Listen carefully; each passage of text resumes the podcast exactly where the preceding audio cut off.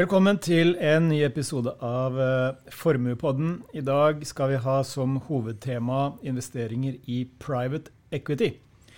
Med meg i studio så har jeg som uh, sist Niklas Guttormsen, hallo, leder for aksjeavdelingen i Formue. Og i tillegg så har jeg vært så heldig å få med meg Jan Nylund, som leder private equity hos Formue. Hei på deg, Kristian. Hallo. Det vi skal begynne med, er jo som vanlig å se litt på hva som har skjedd i finansmarkedene og i økonomien siden sist. Og Nico, det har jo stort sett gått greit, bortsett fra Oslo Børs kanskje. Og så fikk vi jo en liten sånn upset i markedene i går, tirsdag. Ja. Ja, eh, hvis man ser litt bort fra den akkurat nå, da, altså, det ble et bredt fall i går uh, med, med, inflasjonstall som uh, var over det man hadde forventet. Um, så det likte ikke markedet i det hele tatt. Og stort sett alt fikk en liten reset i går. Det var noen ting som falt mye mer enn andre ting. altså Small cap f.eks. Var, var veldig tungt uh, ja, fall i går. Russell 2000-indeksen, det er småselskaper i USA, falt 4% 4% ja. Så det var liksom det største måte, fallet. Og Nasdaq falt også 1,8 eller noe sånt. Så det var jo um, Det ble en, en generell tøff dag, men det, det, gjaldt egentlig over hele linjen. Det var få ting som holdt seg oppe i, i går, da. Men ser man bort fra det, så har det jo egentlig vært, uh, siden vi møttes sist, så har det vært gode markeder. Det har vært uh, understøttet av gode rapporter fra selskapene. Uh, ikke minst noen av de store, som også fortsatte å levere. Ja, for Dagen etter at vi spilte inn forrige episode, så tror jeg Meta var steg 20% på en dag. Stemmer Steg 20% på en dag. Ja. så det, hvis man ser liksom både den perioden vi har vært gjennom nå, og hittil i år så er det fremdeles liksom de samme trendene som foregår. Det med, med de store tech-selskapene og Nvidia og de andre som, som driver avkastningen i markedet. Eh, både i USA, men også globalt. Og så har man også sett at Japan har fortsatt den reisende. De er vel oppe opp, ja, over 13 hittil i år. Ja. Eh, så det har vært en kraftig, eh, kraftig periode for japanske aksjer. Jeg tror også liksom, Nå gikk jo um, ja, det var Forrige fredag så gikk jo Kina inn i den nyttårsuken sin. Eh, stengte ned markedene i ja, fredag og hele denne uken her. Eh, men hadde en liten opptur i forkant av den nyttårsfeiringen. Så kom det liksom stimulative uttrykk fra, fra regjeringen og sånn. Så, men det er fortsatt veldig svakt på året. Ja, for, for, emerging markets-indeksen, som mange emerging markets-fond følger, den er nå omtrent uendret på året. Og den var jo ned 3-4% ja. Så det er jo kinesiske aksjer Kinesisk. som har trukket opp. Det er det. Og, og, nå er det jo dragens år. Det er jo, kineserne har jo mange, eh, altså tolv forskjellige dyr som liksom eh, representerer kalenderårene. Og Dragens år har jo tidligere vært litt forbundet med liksom prosperity og gode tider. Så vi får se hvordan det går. Forrige gang, i ja, det blir 2012, det da, hvor det var Dragens år, så var det jo et veldig godt aksjemarkedsår. Vi krysser fingrene igjen, da. Det er bra. Eh, det, det, vi også så i markedene i går, da, eh, i kjølvannet av disse inflasjonstallene, hvor eh, inflasjonen tenderer til faktisk å stige igjen i USA, målt måned på måned. da. Ja. De fleste inflasjonstallene vi pleier å lese om, det er liksom måling fra år til år. Ja. Men når man ser på mer kortsiktig tendens i inflasjonen, altså målet fra måned til måned, så er det faktisk en liten økning. Og det kommer mye fra servicesektoren og lønnsvekst som fortsatt uh, ja. uh, kan være da med på å senke forventningene til hvor mange rentekutt som vil komme i USA fremover. Ja, det har det absolutt gjort, i, hvis man tenker på hvordan det markedet priser uh, sannsynligheten for rentekutt nå, så er jo det skjøvet ytterligere basert på det som skjedde i går. Mm. Og så er det litt, du sier at Servicesektoren har jo vært, den er jo viktig i USA. Den har jo også vært en av de inflasjonsdrivende sektorene i USA. Um, og jeg tror det er i dag eller i morgen så altså, typ, Det er jo en del selskaper som noen følger med på, basert på atferden til amerikanerne. Um, og en av de selskapene som liksom en del ser på, er uh, f.eks. Uh, en sånn matleveringsselskap, DoorDash i USA er det liksom Fodora? Det er Fodora her ja. i Norge, på en måte. Bare at de leverer da to milliarder uh, porsjoner med mat uh, i året, kontra Fodora her i Norge. Og det er, liksom, det er jo en litt sånn luksusgode å drive og bestille mat på døren. Uh, det er fortsatt sett på liksom luksus, for det, det koster jo gjerne 20-30 mer å bestille noe hjem. Og hvis det viser seg at amerikanske, sånn som vi har sett og vi har snakket om litt tidligere, at de fortsetter å bruke penger, så er det liksom sånne selskaper er liksom nyttig å se på. Er det, er det noe stopp i den type aktivitet? Og de, de tallene kommer da i morgen. Det er en sånn fun fact. DoorDash eh, eier jo Volt, som er da konkurrenten til Foodora, og som mange av oss har erfaring på fra når vi bestiller fra restaurant i Norge også. Ja, ja. Akkurat. Det visste jeg ikke. Så det er jo et selskap som er i kjempevekst, og, og sånn, men de, de, tjener jo ikke penger ennå. Uh, så det ligger jo i forventning at de skal kanskje tjene penger i 2025. Uh, men uh, enn så lenge så vet vi at investorene bryr seg ikke så mye om dagens nettcash, men fremtidens uh, De ser fremover. De ser fremover. Men det her har jo bidratt til Vi har jo sett gjennom 2024 så langt også at det store rentefallet som vi så i markedsrentene gjennom ja, fjerde kvartal i fjor, det har til dels reversert. Og verdens viktigste rente, altså den amerikanske tiåringen, den har da falt fra 5% i oktober i fjor ned til 3,8 ved årsskiftet, og er nå oppe igjen på 4,3% Og en annen rente som vel, veldig mange investorer også følger med på, er jo den amerikanske tiårige realrenten. Mm. Altså den vanlige amerikanske statsrenten fratrukket inflasjonsforventninger for disse ti årene. Og den er også oppe igjen nå, over 2% Og historisk så har det vært en ganske god sammenheng mellom realrenten, altså retningen på realrenten, og hvordan prisingen i aksjemarkedet utvikler seg. Og da gjerne slik at når realrenten stiger, så har PE-nivåene, prisingen, tendert til å falle og omvendt. Men apropos trender, det har ikke skjedd nå, da, egentlig? Nei, nei det har ikke skjedd. Eh, spesielt ikke for de store tech-selskapene. Mm. Der fortsetter jo multiplen å stige. Men apropos trender, så har jo norske fondsinvestorer også fått god hjelp av en annen trend, og det er jo svakere krone. Ja. 5% svakere mot dollar bare siden årsskiftet. 2 svakere mot, uh, mot uh, euro. Ja, altså en, en verdensindeks er jo opp uh, over 7% i norske kroner hittil i år. Ikke så sant? det er jo kraftig Eh, hjelp. Hva er det for noe? Uh, gift that keeps on giving. Svakere krone. Ok, Vi skal bare snakke litt om, uh, om makrobildet også. fordi vi har jo egentlig sett gjennom de siste kvartalene tegn til bedring, eller i hvert fall ikke forverring, i global økonomi. Og, og, spesielt i USA så har jo vi hadde 353 000 jobber i januar. Vi har hatt eh, positive tendenser i flere stemningsmålinger både hos husholdningene, i industrien og i servicesektoren. Og vi har også sett tegn til litt mer optimisme rundt Kina, som vi var inne på. Mm. Og til dels også i Europa noen stemningsmålinger som har gått i riktig retning. Men vi må vel fortsatt snakke om amerikansk eksepsjonalisme. Det er USA som stikker seg ut. Men litt av problemet, da, uh, tilbake til dette med dette selskapet og servicesektoren. altså hvis den inflasjonen har jo vist seg å være kanskje litt mer sticky. Uh, og den er tøff å få ned til 2% som er målet. Og hva, hvordan, hva tenker du om hvordan liksom markedet vil reagere hvis vi nå ligger og, og, og dveler rundt sånn 3, 3 nå i la oss si et år, et halvannet år fremover? Hvordan, hvordan er det? For det, det, det, er veldig store når vi blir overrasket positivt eller negativt. Mm. Men hvis det viser seg at det kommer en sånn eh, oppfatning om at inflasjonen den, den, kommer ikke til å komme ned til to. Det kommer til å ta lengre tid. Amerikanske økonomien er for sterk, yes. så det, nå er det begynner å faktisk å tenke på at den skal opp igjen, inflasjonen. ikke sant? Ja, Nei, altså, eh, sånn I mitt lille hode så tenker jeg at eh, stigende inflasjon herfra det er kanskje den mest underpriste risken i, i markedet. Ja. Fordi eh, Mange investorer har jo forventet det vi på Hamar kaller immaculate disinflation. Altså at inflasjonen pent og pyntelig skal falle ned mot eh, 2 og at den skal bli værende der. Mm. Men, men, det er i mitt hode relativt lite sannsynlig. Så jeg tror at hvis eh, inflasjonen nå liksom tikker oppover innimellom og blir liggende der du sier, så vil jo Fed ikke tørre å kutte renten. Og da vil jo det komme som en gigantisk skuffelse for, for store deler av finansmarkedene. Og, og, kanskje de kutter, men de kutter i, i, langt mindre grad enn det markedene håper og, og tror på. Så det, det, er noe man skal liksom følge litt uh, med på. Mm. Jeg har også bare lyst til å, å si litt om uh, en veldig kort oppsummert den siste Global Fund Manager Survey fra Bank of America. Dette er en måling, en undersøkelse som Bank of America gjennomfører en gang i måneden blant noen av de desidert største forvaltningsmiljøene rundt omkring i verden. Og generelt, stemningen blant eh, forvalterne er nå på det mest optimistiske siden januar 2022.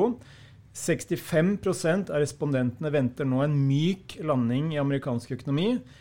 Og bare 19% venter en ingen landing. Altså det vil si at økonomien som du er inne på, mm. fortsetter egentlig bare å, å, å koke på. Ja. Eh, men den andelen som nå begynner å spekulere om at vi kan få en ingen landing, den er økende. Bare 11% tror nå på en resesjon eller har landing. Vi har den høyeste andelen respondenter som har overvekt i amerikanske aksjer siden november 2021. Og, og, den høyeste allokeringen til teknologi siden august 2020. Og likevel så er det altså 61% altså et tydelig flertall, som mener at Magnificent Seven er den mest crowded traden der ute. Altså den, Jeg har alltid hatt problemer med å oversette det til norsk, men det er altså den investeringen som er mest overbefolket. Det er vel en, en grei, grei, oversettelse, da. Ok. Men temaet i, i, dag skal jo handle om uh, private equity.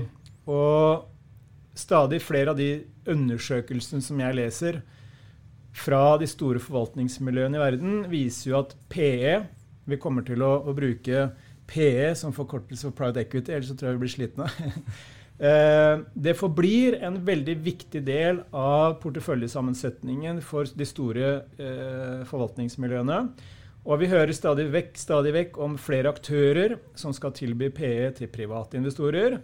Og vi har også lest mye i norsk presse om at oljefondet også ser på PE som interessant for sine investeringer. Uh, I tidligere episoder av podden så har også jeg snakket mye om det jeg har definert som en ny økonomisk æra. At uh, verdensøkonomien er på vei inn i litt annerledes markedsklima enn det vi har vært vant til. Og det kan utfordre næringslivet i mye større grad enn før. Uh, på toget inn i dag så leste jeg en sak fra Goldman Sachs, og, og de peker på at private equity faktisk kan bli en viktig drivkraft for at flere selskaper klarer å tilpasse seg disse nye rammebetingelsene. Men at også PE-forvalterne kan møte nye utfordringer i måten å skape avkastning på. Og bare som en sånn fun fact før vi begynner, og, og begynner å, å, grille Jan litt, eh, så sier de at eh, PE-industrien på overordnet nivå har skapt i gjennomsnitt 15% årlig avkastning de siste 10 og 20 årene. Og det er klart, det høres jo forlokkende ut. Så det jeg tenkte vi skulle prøve å strukturere samtalen rundt i dag, det er egentlig private equity. Hva er det? Hvorfor bør man eventuelt vurdere å investere i private equity? Og hvordan investerer man i private equity? Og Jan, hvis man ser litt på formue Nå, vet jeg jo at Formuepodden skal jo ikke være noen reklameplakat for formue, så min rolle i dag er litt sånn djevelens advokat, kanskje. Men vi vet jo at aksjer og renter det er jo liksom grunnlaget for veldig mange uh, sine investeringer. Så mitt litt sånn dumme, flåste spørsmål til deg innledningsvis er jo hvorfor, når vi har Nico, altså aksjer, hvorfor trenger vi da Jan? ja, det er et godt spørsmål. Eh, jeg tror Først og fremst så er det eh, Hvis vi ser på, på aksjemarkedet, så er det ca. 40 000 noterte selskaper i verden. Ja, det er så mange. Fallende. Andelen er fallende, ja. Mm. Det er fallende antall aksjer. Hvis vi ser på de siste, Siden 2017 eh, til 2022 så ble det hvert eneste år kjøpt 7000 selskaper av private equity-fond i verden. Så det ble kjøpt omtrent like mange, nesten like mange selskaper siste femårsperioden, eh, femårsperiode som, som, som, det børsnoterte selskaper. Og disse selskapene er i hovedsak, ikke, ikke alle, men i hovedsak vesentlig mindre enn en de børsnoterte selskapene. Så du får eksponering mot en annen del av eh, egenkapitalmarkedet, for dette er jo også egenkapital. En annen del av egenkapitalmarkedet enn det du får i børs. Det er langsiktig. Det er lav likviditet, for her er det jo ikke, det jo ikke observerbare priser. Mm. Det er gjerne én stor eier inn i, inn i hvert enkelt selskap. Som har lagd en plan for å utvikle, utvikle ja. selskap. Eh, siden jeg skal være djevelens advokat, advokat, så kommer vi litt tilbake til mulige ulemper og utfordringer med PE. Men, men, det du er inne på, det er jo ekstremt viktig. fordi hvis man tenker på næringslivet i verden, så er det jo som du sier, noen er unotert, altså i privat eie, mens andre er børsnotert. Og verdiskapningen i næringslivet, det er jo den vi som investorer er ute etter å kunne kapitalisere på. Og da er det jo litt dumt å, på en måte begrense seg til bare den børsnoterte delen. Og da er jo private equity egentlig inngangsnøkkelen til den verdiskapningen som finnes i det private markedet. Ja, og, og det er verdiskapning som veldig ofte kommer i, i, en endringsreise for et selskap. Veldig ofte så ser vi at uh, private equity kjøper selskaper av børs for å forandre de og setter de på børs igjen. Et godt eksempel på dette er jo det vi kaller eh, SAS-industrien, altså Software as a Service. Hvor eh, hvis vi går 10-15 år tilbake, så kjøpte vi Microsoft Office. Og så hadde vi diskettene lastet inn i maskinen og oppgraderte. Og dette gjorde vi kanskje hvert tredje, fjerde, femte, sjette år. I dag så er det jo ingen som gjør dette lenger. Nå, nå, nå leier man Microsoft Office, får pakken inn fra, fra skyen. Eh, og, og, og, hva skjer med forretningsmodellen når du gjør dette her? Jo, hvis, hvis, hvis, Microsoft Office er en femårsleie, så får du, når du går over fra, fra å selge et produkt til å selge, eh, selge dette som en tjeneste, så faller inntektene dine med 80% over dagen. Nyomsetningen. Det er det som skjer. Og, og når Nicoel eh, sitter og eier aksjer og følger med på kursen hver eneste dag og får kvartalsrapportene, så er dette en veldig slitsom reise veldig ofte å fortelle til, eh, til aksjemarkedet. Veldig, veldig, ofte så forstår ikke aksjemarkedet hele den transformasjonsreisen som går. Når du slipper å rapportere verdiskapningen din på samme måte til markedet eh, Eh, resultatene, men du, du, forteller mye mer den verdiskapningsreisen du er på. Så bruker du de fem årene du trenger for å komme tilbake til samme inntektsforutsetning du har hatt. Men hva, hva har du gjort på den reisen? Du har skapt uh, mye mer forutsigbarhet på, på, på, omsetningen. Blir vesentlig mindre påvirket av, av makrosentimentet. Uh, og det andre som skjer, er at sannsynligvis så, så klarer de å trimme organisasjonen Eh, slik at eh, kostnadene blir litt lavere. Så over tid så øker du brutto, bruttomarginen mm. i, i, selskapene. Så, så det, er, det, er, sånn én type reise som vi har sett veldig mye i, i private equity. Så, så, når industrier og sektorer går gjennom en transformasjon, så har private equity veldig ofte den fordelen at de har en sterk eier, sterk strategisk eier som kan dra det gjennom. Ja. For det, for det, er jo noe vi er vant til i aksjemarkedet, Nico, dette såkalte rapporteringstyranniet. altså at uh, vi I forkant av rapporteringssesongen så ser vi gjerne at de børsnoterte selskapene liksom, de, de, guider ned. altså de, de prøver å nedjustere forventningene blant investorer. Ja, det blir veldig gode til det. det. Det, ser jo tallene. Når uh, i snitt 70% overrasker positivt, så sier jo det at selskapene Gang på gang på gang? ja, ja, altså gang på gang på gang. Ja. Så, så, er det et bevis på at uh, selskapene har blitt veldig gode til å guide litt sånn konservativt, ja. for å heller overraske positivt. Ja. Uh, nå, nå, er jeg litt sånn snill djevelens advokat så langt. Men jeg, jeg, blir jo ofte spurt om, og det gjør sikkert du også, Jan, rundt dette med kvartalsvis rapportering, at det på en måte underdriver ris den underliggende risikoen i private equity. Eh, sammenlignet med f.eks. børsnoterte aksjer. Men, men som, du litt, som, du hentyder til, da, Jan, hva er det som egentlig er mest rasjonelt for en virksomhet? Er det å få verdien av selskapet sitt vurdert av investorer fra sekund til sekund på børsen? Eller er det å få verdien fastsatt kanskje en gang i kvartalet? Jeg, jeg, tror jo egentlig at det er to vidt forskjellige måter å se på verdsetting på. I børs så, så verdsetter du eh, hva den marginale aksjen blir kjøpt eller solgt for. Og, og der i et børsnotert selskap kan det være tusenvis av uh, aksjonærer. Og vi, se, vi, så jo i 2021 at det var et stort overvekt av kjøpere i markedet.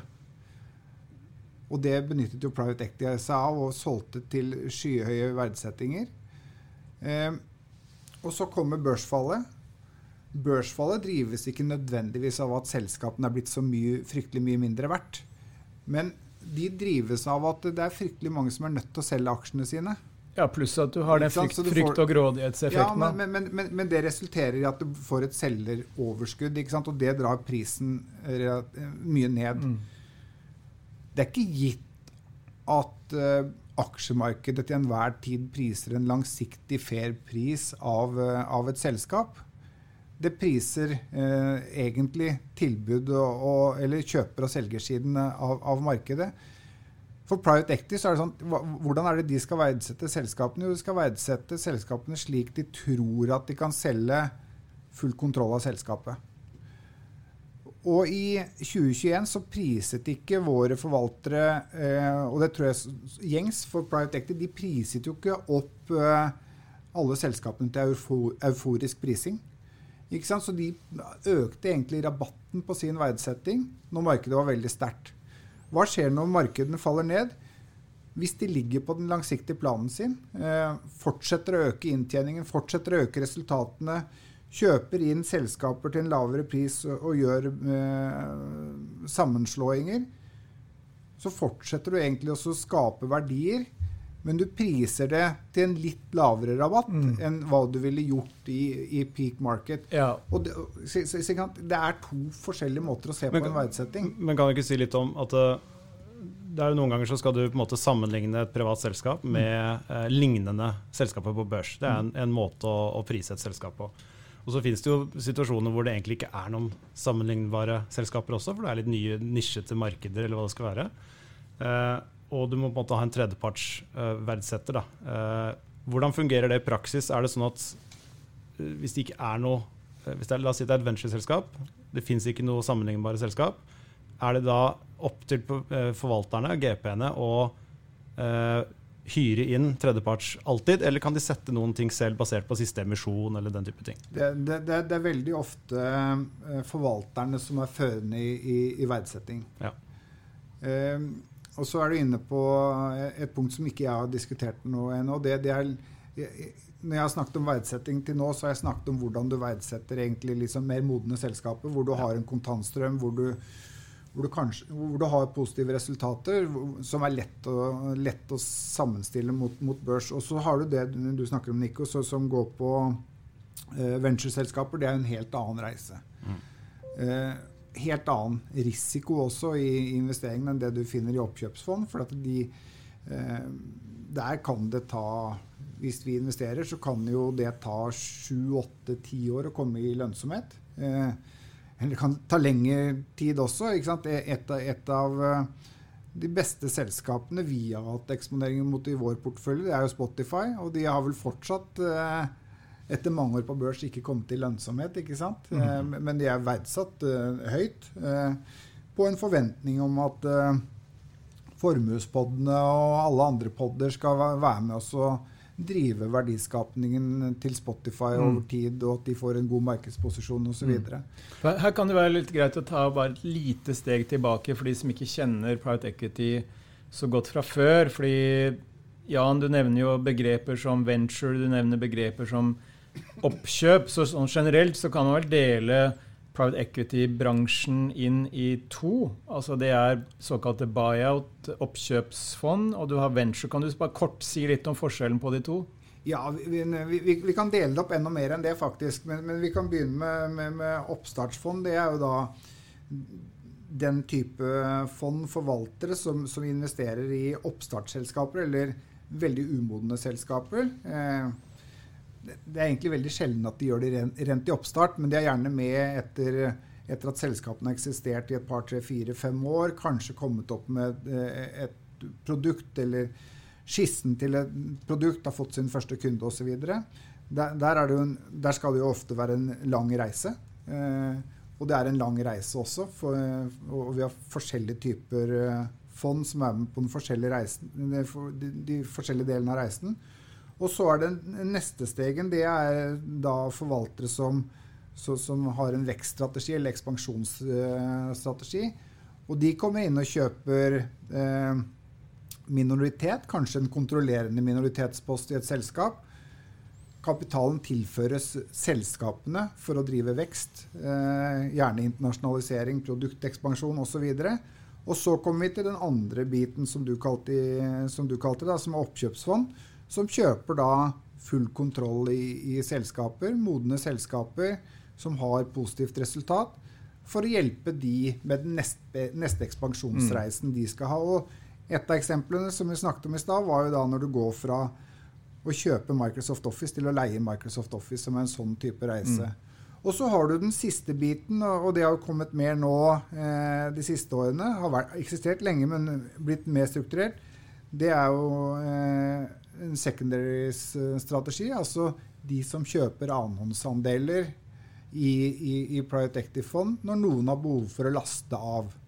Ja, så Secondaries det er et, et, et, et marked der man kan kjøpe andeler i allerede etablerte PE-fond andeler i etablerte PE-fond, eller de kan kjøpe andeler inn i selskaper som eies av PE-fond. Så det, det, det, er, det, det, er blitt ganske fleksibelt, dette markedet, etter hvert. Mm. Men, men, når sier, eh, når vi snakker litt om forskjellen på oppstartsselskaper, oppstartsfond og oppkjøpsfond, så, så ligger jo litt i kortene at det er en ganske ulik risikoprofil her. Altså på venture i forhold til buyout eller oppkjøp. da.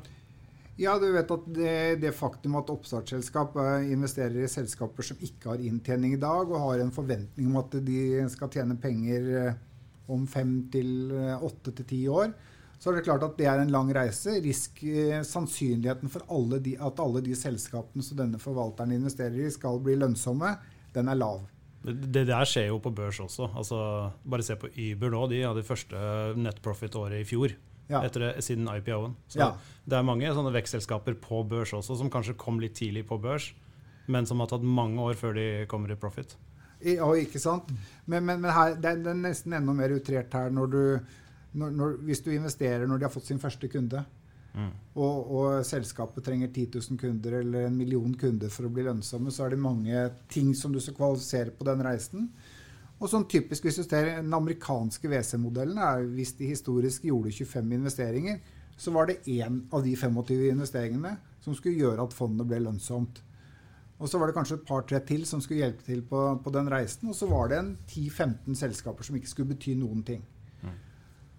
Og Da betyr det at du må lete etter den type egenskaper hos forvalteren. Eh, og, og, og, hva betyr det? Jo, det betyr at eh, det blir veldig stor forskjell mellom gode og dårlige forvaltere i markedet. Mm. Så, så, det kan godt tenkes at folk har tilgang til å investere i, i oppstartsfond. Men sannsynligheten for at du treffer den rette forvalteren, den er egentlig ganske lav. Og det er jo litt sånn, Nico, at hvis du skal, hvis du skal bygge et, eh, et, fond av fond med, eh, med, globale aksjefond, så trenger ikke du så mange fond for å ta bort egentlig den usystematiske risikoen. Hva er usystematisk risiko? Det, det er eh, den risikoen som ikke fanges opp av markedet. Ja, altså den selskapsspesifikke, ja, eller Egentlig. Ja. Eh, og du, du har ikke noe fordel av veldig mange aksjefond. Og det er heller ikke så stor fordel på de fondene etter 10-15-20 år. Den årlige avkastningen du har fått hos aksjefond, mm. den spredningen der er ikke så stor som den er i PE. Da. Mm. Nei. Og, men når du er på oppstartsfond, da, så er det sånn Vi har jo i vår portefølje sånn, opplevd å ha eh, oppstartsfond som har returnert 23 ganger pengene til kundene sine. Liten eksponering dog. Men, men hva er det det sier? Du kan ha frykt... Hvis, hvis, du putter 50 Hvis du hadde puttet 50 WC-fond inn i en portefølje og du hadde investert likt i alle sammen, så hadde du fått tilbake halve porteføljen din på det ene WC-fondet, og så hadde de resterende 49 fondene gitt deg avkastningen. Altså, I WC eller oppstartsfond så har du en litt, litt annen diversifiseringseffekt. Det er sånn at inntil et visst punkt, jo flere, putter, flere, lodd du putter inn i, i, porteføljen din, jo større sannsynlighet er for outsized return, eller superavkastning da, på godt norsk. Men det er jo motsatt av det man kan tenke i aksjemarkedet, egentlig. Ja, ja. Jo, jo, jo flere eh, lignende globale aksjefond du putter i en portefølje, jo større sannsynlighet er det for at du havner nær indeks, så fremt disse aktive fondene mm. har relativt små avvik fra indeksen. da. Så, så, så det, er, det, er, det, er, den store forskjellen. Men, men, men, du kan jo ikke putte alle de eggene i samme kurv heller, så du må jo passe på at hvis du gjør mange oppstartsfondsforpliktelser, så, så, må du passe på at de, har, at de er forskjellige. Mm. Du kan ikke ha ti eh, WC-fond eller oppstartsfond i Norge og tro at uh, du får den effekten. Du, du, må spre dette litt uh, i Europa, kanskje litt i USA, og endog kanskje litt i, i Asia. Så, mm. så, der får du den. Men, men det betyr ikke at du skal ta hele Du skal ikke lage indeksen. Så, så, så, du må Og det betyr at uh, denne øvelsen med, med, å drive forvaltningen innenfor oppstartsfond, det fordrer at du har en strukturert prosess. Ja. At du har tilgang, og at du kan gjøre kvalifiserte vurderinger av, mm. av, av team, av strategi eh, osv. Risikospredning. Hvor, hvor, mange er typisk eh, i et venturefond? da? Hvor mange selskaper er det en sånn typisk eh, portefølje vil inneholde hos en eh, forvalter? Det varierer litt. Grann. Ja. Eh, vi ser at de amerikanske forvalterne nå etter hvert har begynt å putte inn ja, 50-100 selskaper i en sånn portefølje. Det typiske vi har sett i Europa, er 20-30. Eh, begynner kanskje å krype litt opp, det også. Men det er vel den uh, muligheten til å stoppe kranen også underveis. da, Når du, du har 50 selskaper og du ser at ti av de virkelig ikke møter de milepælene kanskje man har ønsket, og så dropper man videre investering der. Og skriver de ned til null, kanskje? Ja, altså du vet, det, det som er den viktigste egenskapen, og, og, som vi bruker mest tid på å forstå, er når, når struper det tilførselen til selskaper som ikke når disse målsetningene de setter? For det, det, er jo det de gjør når de eh, investerer i et selskap, at de setter opp en KPI, eller noen få KPI-er. altså Key, KPI? key Performance Indicators. eller de setter et mål på hvordan skal omsetningen øke fra år ja. til annet. så kriterier for å måle suksess? Ja. Så de måler ikke finansiell suksess de første tre, fire, fem årene, men de måler på en del sånn nøkkelparametere som, som, over tid skal drive forretningsmodellen som skal, skal skape avkastning. Så, så, det er jo egentlig det de ser på, og det er det de bruker til å verdsette selskapene mm. i, i, veldig stor grad. Mm. Vi, må, vi, må, hoppe litt uh, videre i tematikken her. Um, det finnes jo en del uh, aktører der ute som er kritiske til PE og, og liker å trekke frem mulige ulemper ved private equity. Og det er klart at Investering i private equity er jo ikke for alle. Men, men ja, nå skal jeg komme med fem ulike eh, kritiske påstander da, eh, mot private equity. Og så ber jeg deg svare relativt kort og konkret. Kanskje vi hjelper deg også. Men det første handler jo om dårlig likviditet. Hvordan skal man forholde seg til det? Ja, så, eh, dårlig likviditet, det, det, er jo i realiteten ingen likviditet. Eh, i aksjemarkedet så kan du kjøpe og selge hver eneste dag. I, i private equity forplikter du sånn i hovedsak kapital for tiårsperiode. Eh, pluss litt eh, mulighet for forvalter til å forlenge. Ok, Så i utgangspunktet da så må du ha en veldig lang tidshorisont hvis du skal eh, Ja, du må for, være forberedt på å ha en veldig lang tidshorisont hvis du skal investere i private equity. Ja, det er så enkelt som at for å transformere et, et selskap så trenger forvalterne tre til fem år. For verdier i næringslivet skapes som kjent ikke over natten, exactly. men over tid. Exactly. Og da kommer jeg til det andre, og det er jo Vi har vært litt inne på det, men at dette er svært langsiktig.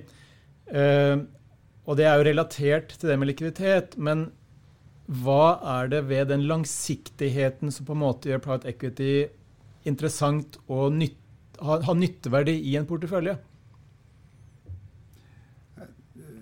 det, det, er jo ve veldig vanskelig å splitte opp dette med, med risikopremier. Da. Det, det, ligger en, det ligger en meravkastning der, og så er det veldig vanskelig å forstå tror for alle i markedet om, om den meravkastningen er en kompensasjon for finansiell risiko.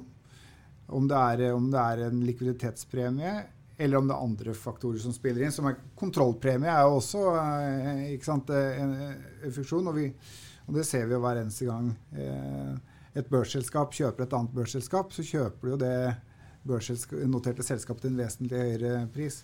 Så det er veldig vanskelig å, å, å egentlig brekke opp den, den ja. meravkastningen i, ja. i, og, å, fortelle den, hvor den egentlig kommer fra. Ja.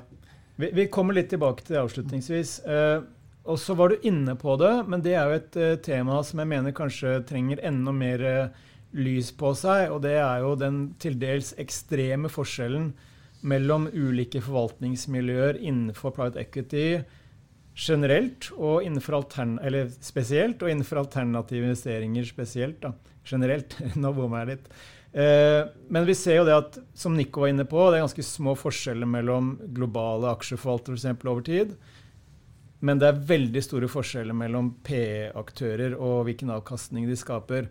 Og når vi da ser den tendensen mot såkalt demokratisering av alternativisering, at alle liksom skal få tilgang til det samme universet, uansett om man har mye eller lite penger, så kan jo det føre til at man kanskje generaliserer litt, at man tenker at PE er PE.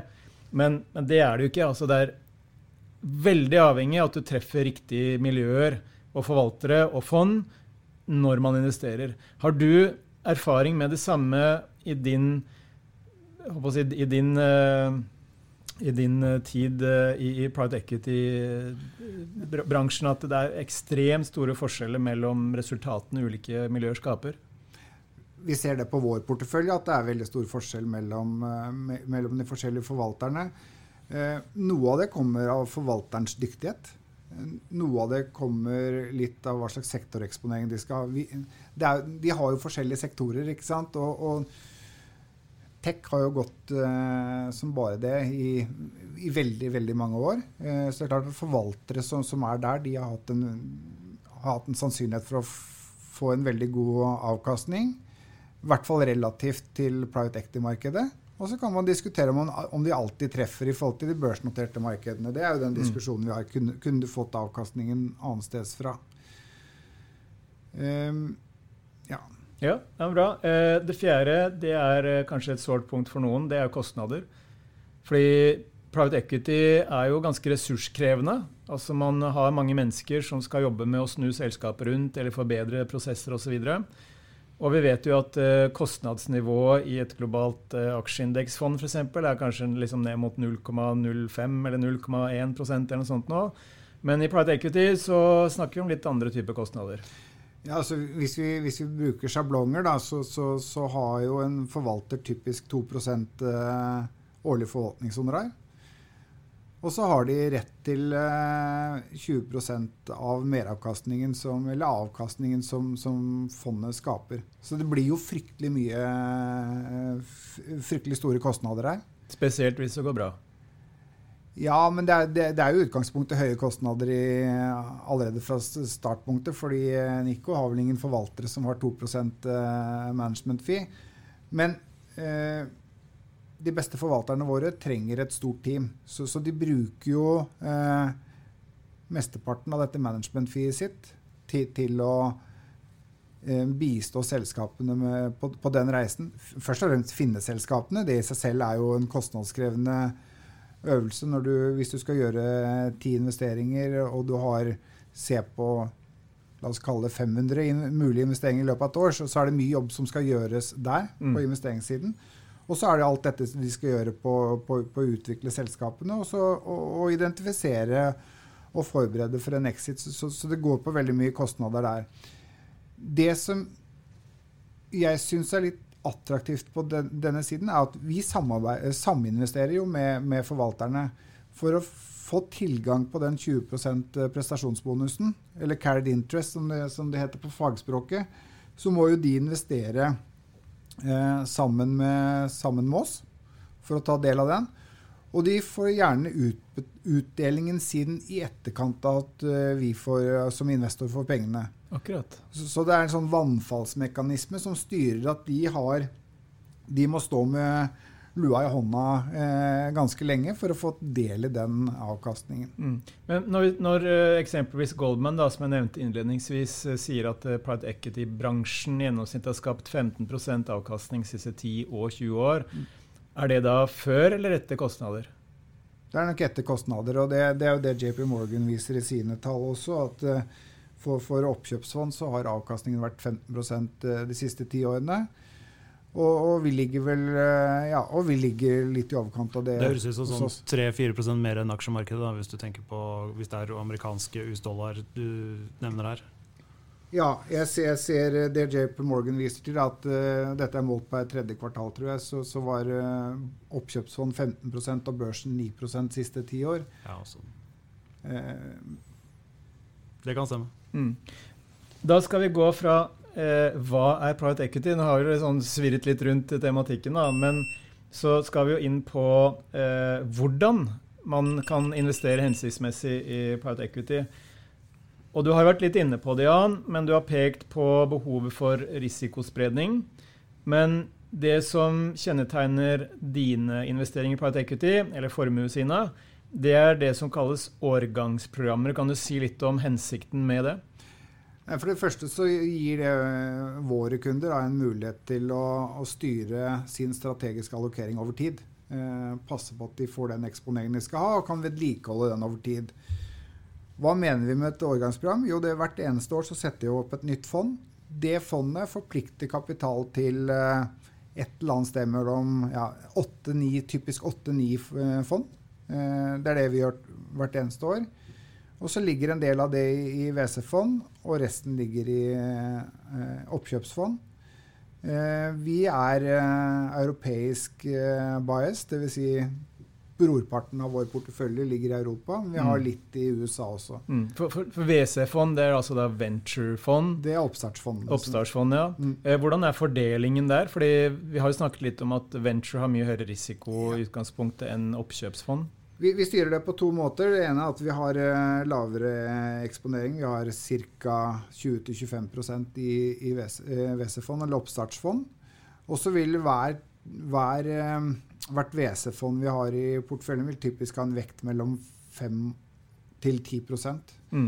uh, Og så ligger jo da resten i, i, oppkjøpsfond, og i oppkjøpsfond så vil vi typisk forplikte sånn 12-20 av et årgangsfond inn i en enkelt investering. Så du ser at vi, det, der ser vi at konsentrasjon, eller konsentrert risiko den tar vi på, på, på oppkjøpsfondene. Mm. Og Vi gjør vel også slik at uh, hvis man som investor da ønsker å ha en andel av sin eh, forvaltning i private equity, så investerer man ikke alt i private equity på én gang. Det fases inn over tre ulike vi årganger. Vi faser inn over tre årganger, og, og, og hensikten med det er å sørge for at uh, disse får en eksponering mot 25-28 fond over tre år. Og da får du en eksponering mot ja, skal vi si 500-600 selskaper. eller sånt, Så det blir jo en godt diversifisert uh, portefølje. Men fortsatt i en sånn private equity-investeringsverden en konsentrert portefølje. Altså Når vi ser på peers, og da, da, ser vi jo både på universitetsstiftelser i USA, noen av de liksom større miljøene ute i Europa, så, så er vi konsentrert. Så, så, det er jo viktig, og det er kanskje enda viktigere for oss å være gode på å plukke de beste forvalterne. Eller vil nesten si unngå å plukke de dårlige forvalterne. Og det er, det er, jo litt sånn i all kapitalforvaltningsstrategi at uh, hvis du unngår tapere, så ender du som regel opp med god avkastning. Mm. Og sånn ligger du litt. Jeg uh, leste jo en artig studie nå med Vi har jo sett en del på liksom, snittet av aktive globale fond f.eks., eller amerikanske eller europeiske, som sliter mot uh, markedet. Og så er det litt, Hvis du tar ut de 25% dårligste på sånn rullerende basis, så ser faktisk statistikken ganske bra ut. Uh, og Hensikten med den studien var jo egentlig bare å si at ja, men, vi, vi, må se litt på hvor er det kunder investerer penger, og hva er som er liksom mer der hvor det er assets. Uh, har kunder faktisk fått litt avkastning på aktiv forvaltning? Og, det, og Den ene studien sier jo det. Hvis du tar ut liksom, taperne Høres veldig enkelt ut her, men det var et godt studie. da. Ja, Interessant. Um, ok, Vi er fortsatt litt på dette med hvordan man skal investere. Men i det så ligger det også litt uh, tanker rundt ok, nå har vi vært gjennom en ganske lang periode med fallende renter, altså billig finansiering for, uh, for private equity-aktører og for næringslivet generelt. Kanskje vi skal inn i en litt uh, mer krevende periode. Høyere renter, høyere kapitalkostnader. Uh, og man kan vel Jan, dele liksom, verdiskapningen i private equity inn i fire ulike kilder. Man kan si at verdiskapningen kommer fra å generere omsetningsvekst hos selskapene. Man kan skape verdier ut ifra det som på fagspråket kalles marginekspansjon, altså at man eh, hjelper selskapene til å øke fortjenestemarginene sine. Det tredje det er jo det som også på, på, på, fagspråket kalles multiple ekspansjon. Dvs. Si at man enten ved å eh, gjøre selskapet mer attraktivt for investorer, eller at man overbeviser investorene om at her er det gode vekstmuligheter, så blir investorene villige til å betale mer for den forventede inntjeningen i, i selskapet over tid. Og den siste handler om eh, bruk av gjeld. altså det vi på Hamar kaller leverage. Og hvis vi ser på eh, en studie da, fra 2021, så viste den at eh, siden år 2000 så har over en tredjedel av verdiskapningen i private equity-bransjen kommet fra omsetningsvekst, og spesielt da mellom IT-boblen og, og, finanskrisen, mens multiple ekspansjon har vært en kanskje vel så viktig driver etter finanskrisen og frem til i dag. Men hvis vi da tenker liksom på disse fire drivkreftene, altså omsetningsvekst, økte fortjenestemarginer, økt prising, altså multiple ekspansjon, og gjeld, så er det vel litt som tilsier at uh, dette med gjeld kan bli vanskeligere kanskje å, få som viktig drivkraft de kommende årene, fordi rentene sannsynligvis blir høyere. Uh, multiplene, altså prisingen av PE-selskaper, er vel fortsatt ganske høy. Og Goldman er jo da inne på at eh, de kommende årene så vil en større andel av avkastningen da, måtte komme fram mer operasjonelle ting i selskapene. Altså det å gjøre selskapene bedre og mer lønnsomme. Er, er du enig i, i, den fremstillingen? Jeg, jeg, syns det ligger så mye bak alle de, alle de verdiskapningsmomentene du snakket om der. For bak omsetningsvekst så ligger jo mye aktiv handling. Hvor, hvor, kommer den omsetningsveksten fra? Kommer den ved at eh, forvalterne hjelper de inn i nye markeder? Hvis den kommer fra å komme inn i nye markeder, hvordan kommer de inn i nye markeder? Er det organisk vekst, eller er det, er det oppkjøp av nye selskaper? Eh, og hvis det er oppkjøp av nye selskaper, hvordan, hvordan finansierer du nye, det nye selskapet? Gjør du det ved hjelp av at eh, retained earnings, som heter på godt norsk. Hvis du har pecking order, så er det sånn Overskudd. Ja, ikke sant? Ja. Så, så, så, så, liker du først å bruke det du har tjent, og så vil, liker du å bruke gjeld. Og så til slutt så liker du å, å, å bruke egenkapital. Det, det, er jo egentlig funksjonen her. Og hvis, vi, hvis vi tar et vi, vi, har mange interessante case i porteføljen, men, men, men, en av våre forvaltere har bygd eh, et av de største HVAC-selskapene i USA. Altså varme, ventilasjon uh, Aircondition. Ja, ja. Eh, og, og, der startet de ut med å kjøpe ett selskap, og så har de gjennom en femårs eierperiode kjøpt 110 selskaper som de lagt på. Eller de hadde gjort. Det, enda, en, det tallet er enda større nå. Og hvordan har de klart å finansiere det? Jo, det første selskapet, det var et, der, der kjøpte de et litt sånn større selskap. De betalte kanskje ti ganger driftsresultatet, og så la de på relativt lite gjeld. Så de hadde, de hadde egentlig gjeldskapasitet i det selskapet. Og så gjorde de sine to neste investeringer. Kjøpte på halve prisen, så de kjøpte til fem ganger eh, omsetning istedenfor. Og så hadde konsernet som det ble en del av, da, hadde en gjeldskapasitet til at de kunne finansiere opp hele eh, balansen med fem ganger EBTA. Da kunne du egentlig 100% lånefinansiere den investeringen. Har selskapet en høy eller lav gjeld? Ikke få til de, de bankene som, som, låner ut. Da. De sier at det er en fornuftig gjeld for det selskapet.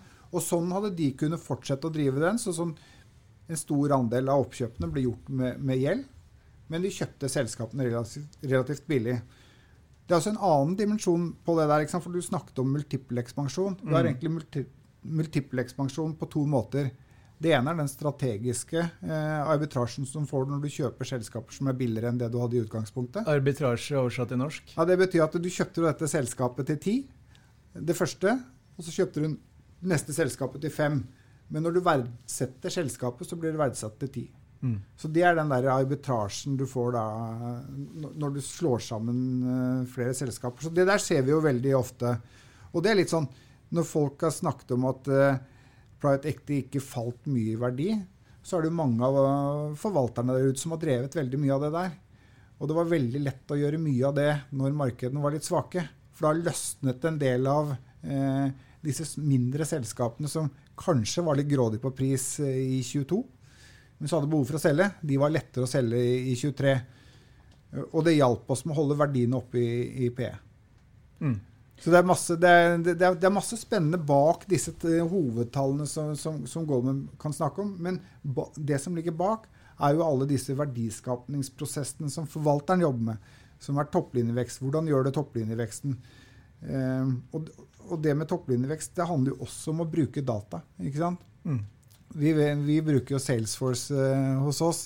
En fantastisk, eh, et fantastisk system for å registrere kunde, kundedata når du får nok data på den plattformen, så kan du egentlig sammenstille, sammenligne kundene. Var du godt på den kunden? Hvordan, hvordan, skal du løfte de andre kundene opp og være like effektiv? Så du får ut den biten. Og det samme gjør jo våre forvaltere eh, i sine selskaper. Sørger for eh, veldig tidlig å, å løfte kvaliteten på de systemene de har som kanskje kan øke sannsynligheten i den deal-flowen de har på nye kunder, eller leads, mm. eller hva, hva, hva, vi kaller dette. Så, så, ja. så, så, det er Jeg ser tallene Goldman bruker, og hvordan de deler det inn. Bak det så ligger det som jeg syns er fascinerende med private equity, som handler om aktivt eierskap. Det er ikke å sette tallene, det er å sette handling for å, for å ende, ende ut med tall. Ikke sant. Vi skal begynne å runde av, men vi tenkte vi kan avslutte med, med hvorfor eh, i det huleste skal man inkludere private equity i en bred investeringsportefølje. Og jeg, jeg har liksom tenkt på tre primære ting. Eh, det første er jo at man får flere kilder til avkastning eh, enn det man får i aksjer og renter. Det andre det handler jo om risikospredning. At man får investeringer som kan bidra til å jevne ut eh, verdisvingningene i en portefølje. Og det siste det handler jo om at, eh, som du er inne på, Jan, eh, private equity handler i veldig stor grad om rendyrket aktiv forvaltning. Altså dette er eh, hodebasert og kompetansebasert. Og som jeg var litt inne på, hvis vi nå går inn i en økonomisk periode da, som er mer krevende, hvor Clinton skilles kanskje mer fra hveten i næringslivet. Noen lykkes, andre lykkes ikke. Så vil jo den kompetansen som mange private equity-forvaltere og miljøer sitter på, den vil jo kunne bli uvurderlig eh, for å få flere selskaper da, til å kunne tilpasse seg på en god måte disse endrede rammebetingelsene. Jeg vet ikke om dette med flere kilder til avkastning, risikospredning, og aktiv forvaltning. Er det tre ting som du er enig i? Ja, altså, jeg er helt enig i det. Altså, jeg syns det som er mest fascinerende med private equity og det aktive eh, eierskapet, er at meravkastningen er størst i ruglete markeder når, når ting er litt krevende. Eh, hvor presset ikke er på ledelsen om å, om å skape bedre resultater det neste kvartalet, men å gjøre det på, litt på lang sikt. Og det er jo helt fascinerende å se på statistikken. Da. Hvis, hvis du hadde investert bredt i alle private equity-fond i USA, eller globalt i 2001, så hadde den porteføljen gitt deg 27% avkastning. Og for oss som har lenge, levd lenge nok, Christian, så vet vi at avkastningen på SMP 500 f.eks. det første tiåret av dette årtusen var helt natta. Det var null eller litt minus. Ja. ja. Og, og, hvis du cashflow-matcher den avkastningen jeg snakker om, da, i SMP, så var den ja, 7, 7 eller noe sånt. Nå. Så du fikk 20% meravkastning i et ruglete marked. Du skal ikke bruke det som en benchmark, men jeg syns alltid det er interessant å se på, og jeg har alltid sagt det. Jeg blir overrasket hvis private equity har en superavkastning relativt til børs når børsen går knallbra. For da er det andre ting enn en bare verdiskapning som driver, men det er det at uh, folk er villige til å betale mye mer for resultatene. Mens i svakere markeder så har private equity særlig den egenskapen at de driver veldig aktivt eierskap. Mm. Men det fins jo eh, Jeg vet du skulle avslutte, Christian, men jeg fikk komme på et spørsmål rundt dette med Det fins jo børsnoterte både private equity-aktører, og så fins det også eh, børsnoterte, kall det oppkjøpsselskaper. Investor i Sverige, eller altså disse store. Hva er liksom hovedforskjellen, syns du, mellom, mellom den type investering kontra det å være helt nede i puddingen, helt nede i enkelte fond, f.eks. EQT i Sverige, som er et listet selskap? Altså EQT er jo et listet selskap som sådan, men alle fondene deres er jo organisert eh, som om de var andre private equity-fond. Så, så, så, så du, du, litt, du, har en litt annen type eksponering. Du, du, har en spisset eksponering mot den forvalteren som driver et selskap på linje med alle andre selskaper. Hva er inntektskildene til EQT? Jo, det er management fee.